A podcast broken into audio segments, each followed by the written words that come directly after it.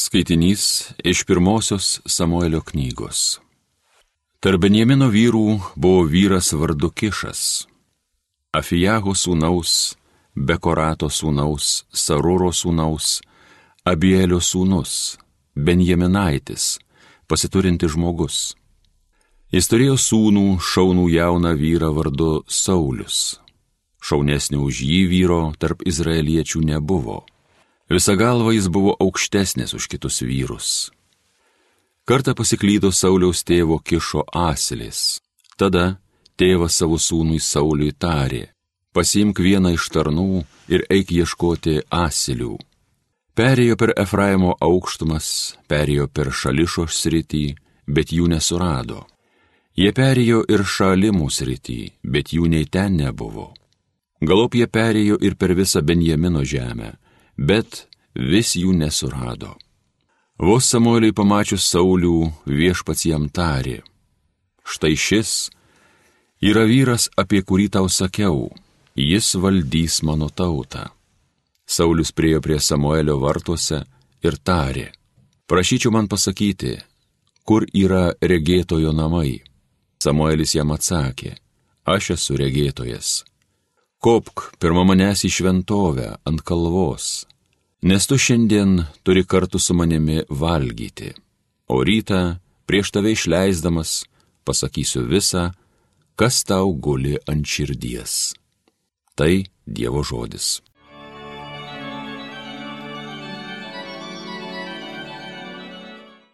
Džiaugiasi valdovas viešpatie tavo galybę. Viešpatie, džiaugiasi valdovas tavo galybę. Džiūgaute džiūgauja dėl tavo pagalbos suteikė jam, ko širdis pageidavo, neatsakėjai, ko maldavo jo lūpos. Džiaugiasi valdovas viešpatie tavo galybę. Jį ypatingą palaimą apdovanojai, ant galvos jam uždėjai grino aukso vainiką. Prašė tave, kad gyvenimą duotum ir tu jam davėjai. Davėjai gyvenimą ilgą, per amžius, per amžius. Džiaugiasi valdovas viešpatie tavo galybę didį jam garbė dėlį tavo pagalbos, padarė jį garsų didingą, tu jį padarėjai amžių palaimą, savo veido šviesa jam pažėrėjai laimę. Džiaugiasi valdovas viešpatie tavo galybę. Alleluja.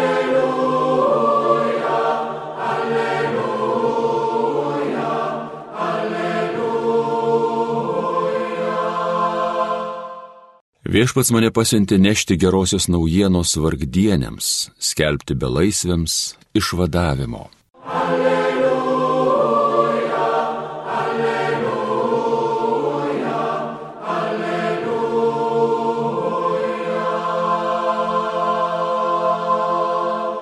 Pasiklausykite Šventojios Evangelijos pagal Morku. Jėzus vėl nuėjo į paežerę. Ištisa minė rinkusi prie jo o jis juos mokė. Praeidamas jis pamatė Levi, Alfėjaus sūnų, sėdinti muitinėje ir tarė jam, sek paskui mane. Šis atsikėlė ir nuėjo paskui jį. Kai Jėzus Levio namuose buvo pasodintas prie stalo, daug muitininkų bei nusidėlių sėdosi su juo ir jo mokiniais, nes daug buvo tokių, kurie sekė paskui jį.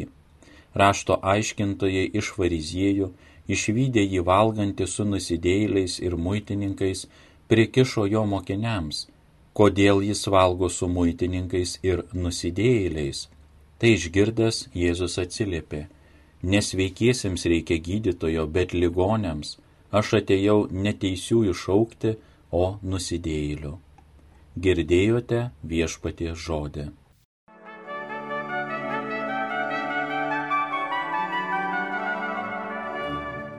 Mėly Marijos radio klausytojai, šios dienos Evangelijos ištrauka ir jos tema gali būti žmogaus, kurio visi nekentė pašaukimas.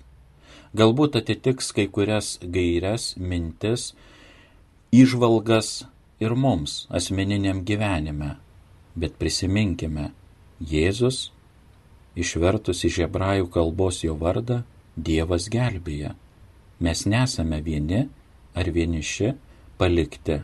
Dievas ateina ir gelbėja. Pažvelkime į šios dienos Evangelijos ištrauką, išvelkime, pamatykime, prisitaikykime savo ir eikime šiuo laikotarpiu dalyvaudami kartu ir sinodinėme kelyje. Pamažu sinagogų duris užsitrenkdavo prieš Jėzų. Tarp jo ir žydų ortodoksinio tikėjimo sergėtojų vyko konfliktas, savotiškas karas. Dabar Jėzus mokė nebe sinagogose, o ant ežero kranto. Jo bažnyčia buvo po atviru dangumi, jos kupolas buvo skliautas, o sakykla kalva arba žviejų valtis. Čia ir prasideda ta baisi situacija, kai Dievo sūnus buvo išvarytas iš tos vietos, kuri buvo laikoma Dievo namais. Jis vaikščiojo palei ežerą ir mokė. Būtent taip mokė ir žydų rabinai. Kai rabinai keliaudavo iš vieno miesto į kitą, ar tiesiog vaikščiodavo po atviru dangumi, jų mokiniai susirinkdavo aplink juos, vaikščiodavo su jais ir klausydavosi, ką jie kalba. Jėzus darė lygiai tą patį, ką darė ir visi rabinai. Pakeliui iš Pilypui pavaldžios teritorijos į Erodo antipo valdas, pirmasis miestas, į kurį atvykdavo keliautojas, buvo Kafarnaumas. Tai buvo pasienio miestas dėl geografinės padėties ir todėl čia buvo muitinė. Tuo metu buvo mokami eksporto ir importo muitai ir matyt juos rinko Kafarnaume. Būtent ten ir dirbo Matas. Tiesa, priešingai nei Zachiejus, jis nebuvo Romos valstybės tarnyboje, o tarnavo Erodui Antipui, tačiau buvo toks pat nekenčiamas mokesčių rinkėjas, muitininkas. Iš šio epizodo kai ką sužinome apie Matą ir apie Jėzų. Matas buvo labai nekenčiamas, visuomenėje mokesčių rinkėjai niekada nebuvo gerbiami, o senovės pasaulyje jų tiesiog nekentė. Juk žmonės niekada tiksliai nežinojo, kiek turi mokėti ir mokesčių rinkėjai iš jų imdavo tiek, kiek galėjo, o skirtumą įsidėdavo savo į kišenę. Netgi toks graikų rašytojas kaip Lucijanas mokesčių rinkėjų statė į vieną eilę su svetimautojais, su teneriais, pataikūnais ir padlaižūnais. Jėzui reikėjo žmogaus, kuris niekam daugiau nebuvo reikalingas. Jėzus pasiūlė savo draugystę žmogui, kurį visi kiti gėdytųsi vadinti draugu. Matui greičiausiai tą akimirką buvo neramu ir sunku sieloje, širdyje jis tikriausiai jau kažką girdėjo apie Jėzų. Galbūt jis nekarta klausėsi jo pamokymų įsimaišęs minioje ir jie sujaudino jo širdį. Na ir jis negalėjo eiti pas garbingus savo laiko žmonės. Jiems jis buvo nešvarus. Jie apskritai būtų atsisakę su juo bendrauti.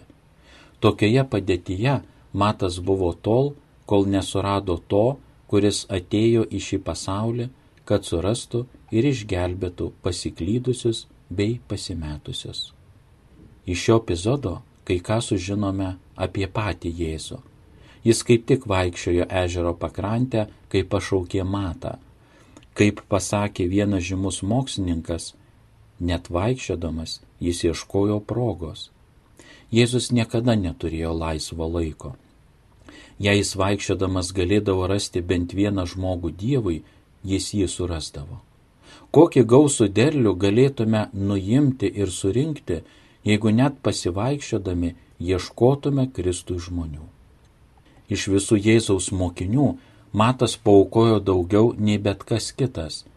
Jis tiesioginė prasme paliko viską ir sekė Jėzų. Simonas Petras ir Andriejus, Jokūbas ir Jonas galėjo grįžti atgal prie žvejybos. Visada užtekdavo žuvies, kurią buvo galima žvejoti, ir seno amato, prie kurio buvo galima grįžti. Matas visiškai priešingai sudegino visus už jo buvusius tiltus.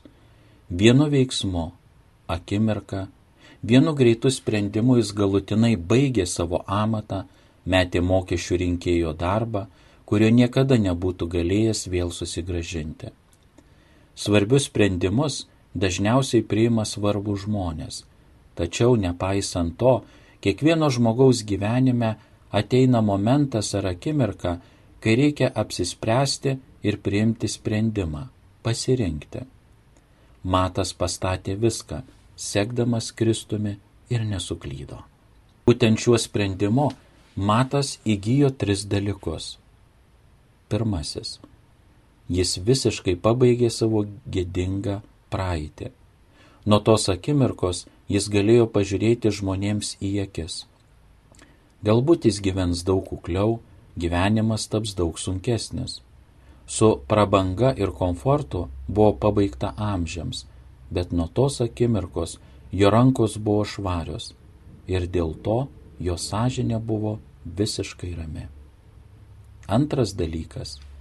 Matas prarado vieną darbą, bet gavo daug svarbesnį. Kažkas pasakė, kad Matas atsisakė visko, išskyrus vieno dalyko. Jis neatsisakė plunksnos, tai yra neatsisakė rašymo. Mokslininkai galvoja, kad pirmoji Evangelija pagal Matą, tačiau jie mano, kad šioje Evangelijoje yra vienas svarbiausių dokumentų žmonijos istorijoje, pirmasis rašytinis pasakojimas apie Jėzaus mokymą ir kad šį dokumentą parašė Matas. Turėdamas gerą atmintį, įprotį sistemingai dirbti ir gerai mokėdamas valdyti plunksną, Matas buvo pirmasis apaštalas, padovanojęs pasauliui knygą apie Jėzaus mokymą. Ir trečias dalykas, kurį įgyjo matas, keiščiausia, kad drasus jo sprendimas atnešė jam tai, ko jis matyt mažiausiai ieškojo - atnešė nemirtingumą ir pasaulinę šlovę. Mato vardas visiems žinomas kaip asmens vardas, amžinai susijęs su Jėzaus gyvenimo istorijos perteikimu ir perdavimu.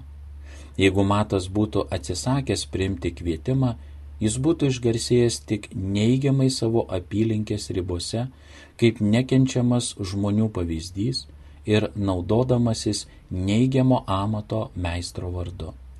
Prieimęs kvietimą, jis pelnė pasaulinę šlovę kaip asmuo, perdavė žmonėms užrašytus Jėzaus žodžius.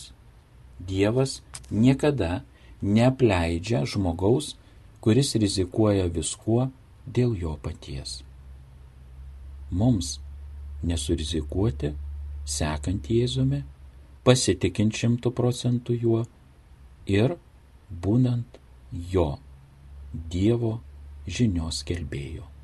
Amen.